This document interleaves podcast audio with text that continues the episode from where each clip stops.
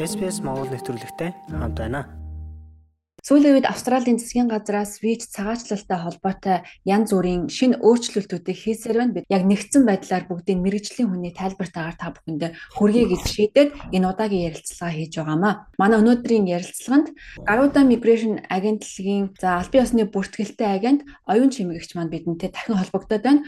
Австралийн цагаачлалын их хуралд оролцоод ирлээ гэсэн. Энэ хуралд ер нь манай монголчуудад дуулгах ямар сонирхолтой шинэ мэдээлэлүүд байсан бэ? За тэгэхээр юуны өмнө SBS Mongolia дараадагийнхаа сонсогчдод одоо өнөөдрийн мэндийг хүргэе. За тэгээд би Хабард хотод болсон энэ цагаачлалын их хуралд оролцоод ирсэн. Тэгээд нэлээд олон одоо сонирхолтой мэдээллүүдийг хурлаас одоо дуулж мэдсэн байгаа. За энэ хуралд бол Австрали улсын цагаачлалын сайд Андрю Ганс өөрийн биеэр оролцож одоо нээсэн. За тэгээд сайдын онцолж тэмдэглэсэн зүйл болохоор Австрали улс бол цагаачл дээр тогтсон үндэстэн тэгээд цагаачлалын асуудал бол одоо чухал нэг бодлогын нэг хэсэг байх болно гэдгийг тэмдэглээд Австралийн засгийн газрын цаашдын бодлого ямар байхаа гэдгийг одоо хэлж өгсөн байгаа. Тэгэхээр хуучин засгийн газар болохдоо зэрэг guest worker буюу зочин ажилтан гэсэн тийм бодлого хэрэгжүүлж байсан. Өөрөөр хэлбэл ирж ажиллаж байгаа ур чадвартай ажилчид бол зөвхөн төр визээр одоо ингээд Австралид ажиллаж амьдраад байхаар тийм бодлогыг одоо хэрэгжүүлжсэн бол одоогийн энэ хөдөлмөрийн намын бодлого бол төр визтэй байгаа энэ ур чадвартай ажилчид маань явандаа байнгын оршин суугч болоод одоо иргэн болох тийм нөхцөлийг бүрдүүлэх тийм бодлогыг хэрэгжүүлнэ гэдгийг тэмдэглэж өгснөөр их чухал болсон. А дараагийн нэг асуудал болохдоо зэрэг цагаачлалын албан визний өргөдлөөд одоо гацаад ингээ бөөгнөрөд байгаа асуудлыг шийдвэрлэхэд одоо анхаарч хөрөнгө мөнгө гаргах одоо бас ажиллах хүчний тоог нэмэгдүүлэх зэргээр арга хэмжээ авж байгаа гэдгийг онцолж хэлсэн байгаа. За тэгээд манай монголчуудтай хамааралтай бас таата ямар өөрчлөлтүүд орж магадгүй вэ гэхдээ зэрэг Австралийн засгийн газрын бодлогын талаар судалгаа хийдэг Grattan Institute бас өөрийнхөө судалгааг танилцуулсан. За тэгэхээр тэд нар юу гэж зөвлөмж гаргасан бэ гэхдээ зэрэг нөгөө ур чадварын мэрэгжлийн жагсаалт гэдгийг ер нь хоёр хуваагаад PR руу хөрөвдөх хөрөвдөггүй гэж ингэж яах нь бол буруу юм аа тий. Тэгэхээр ийм жагсаалтын оронд одоо нөгөө ялангуяа ажлын спонсорын виз дээр тухайн ажил олгогч нь өөрсдөө одоо ямар мэрэгжилтэн хэрэгтэй байгаа гэдгийгээ сонгоод тэгээд ингээд спонсорын виз мэдүүлэх боломжтой байдаг тийм чиглэл рүү явах нь зүйтэй гэж нэг санал бол гаргасан.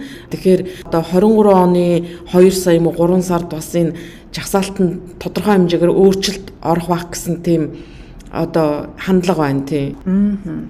Яг харахгүй бидний таата мэдээ шүү. Мэргэжлээсээ хамаарат бид нараас бол бас байнгын оршин суух визэнд хүсэлт гаргахад жоохон хязгаарлалт үүсээд идэг тийм. Тий. Одоо ихэнх юунууд чинь тэгжиж байгаа шүү дээ. Ингээд би спонсорын виз авах гэсэн юм аа. Тэгсэн чинь ингээд мэрэгжил маань цаашдаа нөгөө PR болдгоо юм байна гээл те. Тэгээд тэрнээсээ болоод болоод оюутан эргээд оюутан болдог ч юм уу ингээд тэгээд байдаг байхгүй. Тэгэхээр энэ болвол судалгаагаар бол үр дүнтэй бодлого биш байсан гэж харагдаж байна. Цаашлаад бас нөгөө хөдөлмөрийн намын маань одоо аль болох олон ур чадвартай хүмүүсийг авчирч ингэж иргэн шил олгох те байнгын оршин суух энэ бодлого бодлоготой нь бас тодорхой хэмжээгээр зөрчилж байгаа болохоор энэ жагсаалт одоо байхгүй болох байхаа гэж харагдаж байгаа тий.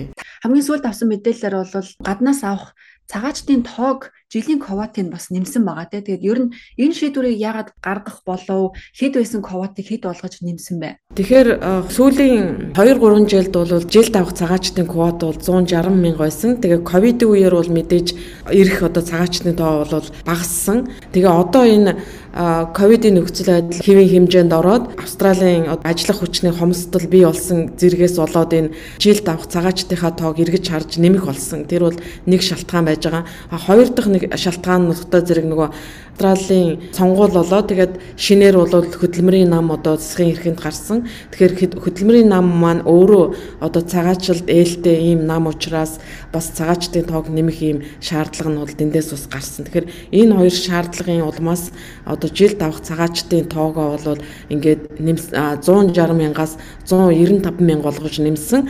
Ур чадвартай цагаачдын тоогоо л одоо ерөнхийдөө нэмсэн гэж 35 мянгаар А энэ дээр бол ур чадвартай цагаач гэдэг үгийг ер нь засгийн газраас хэлээд байгаа те. Тэгээд skilled migration гэж ямар хүнийг ер нь тодорхойлоод байгаа вэ? Нас, мэрэгжил, одоо онцгой шаардлага энэ визний төрлүүдэд байгаа юу? Ур чадвартай мэрэгжилтнүүд гэдгийг юу гэж тодорхойлох вэ гэхээр ур чадвартай мэрэгжлийн жагсаалтан дээр мэрэгжилчин орсон байна уу гэдгээр нэгдүгээрт одоо өөрөө э, жагсаалт гарч иж мэднэ гэсэн үг.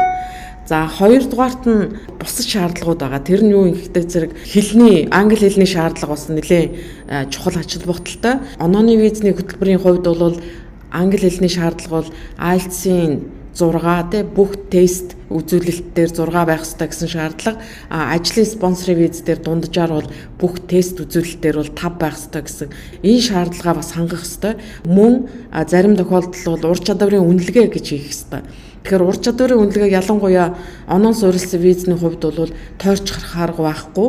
Харин ажлын спонсорын визний хувьд бол зарим тохиолдолд ур чадварын үнэлгээ хийхгүйгээр бас энэ визийг авах боломжууд бас байдаг. Гэхдээ энэ жагсаалтууд маань түрүүн би хэлснээр бол 2023 оны 2 сараас бас нэлээд өөрчлөлт орох төлөвтэй байгаа. Австрал бол ажиллах хүчний дутагдaltaй байна гэсэн мэдээлэл бол сүүлийн үед маш их явж байгаа хөл мэдээллийн байгууллагуудаар төрийн байгууллагууд ч бас энэ хүлээн зөвшөөрч байна.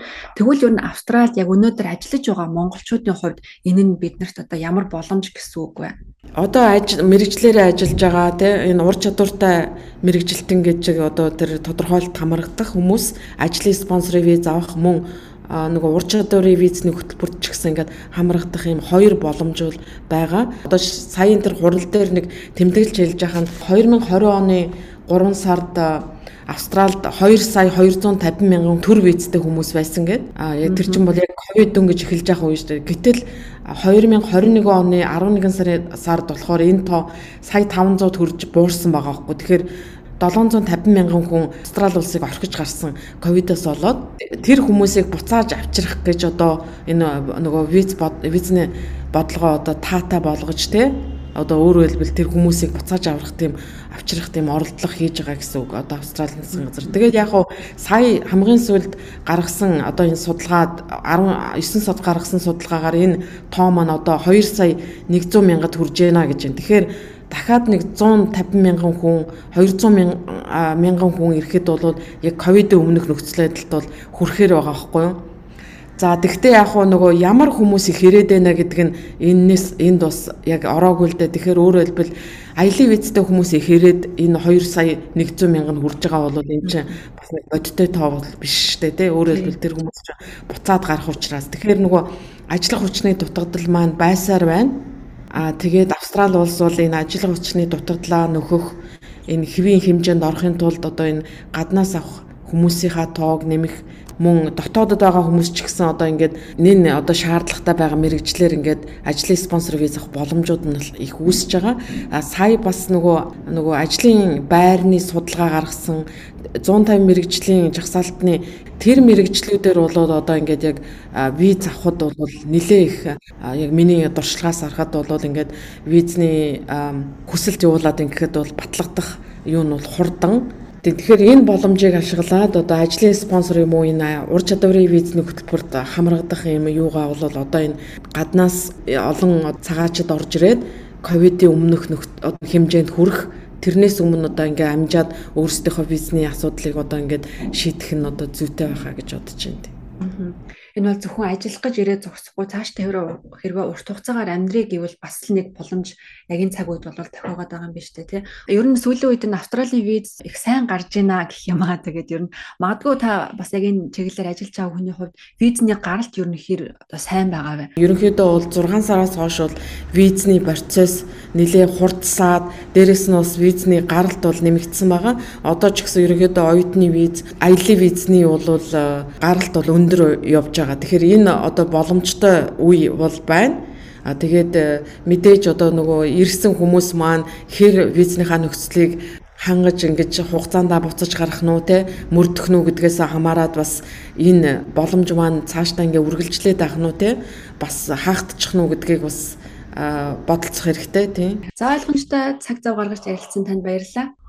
За баярлалаа та бүхэнд бас баярлалаа. За баярлалаа. Австрали улсад амьдарч эхлэх гэж байна уу? Хэрэгтэй мэдээллийг SBS.com.cg юу? Уршаа зураас Mongolian хуудасаас хүлээн авах нь.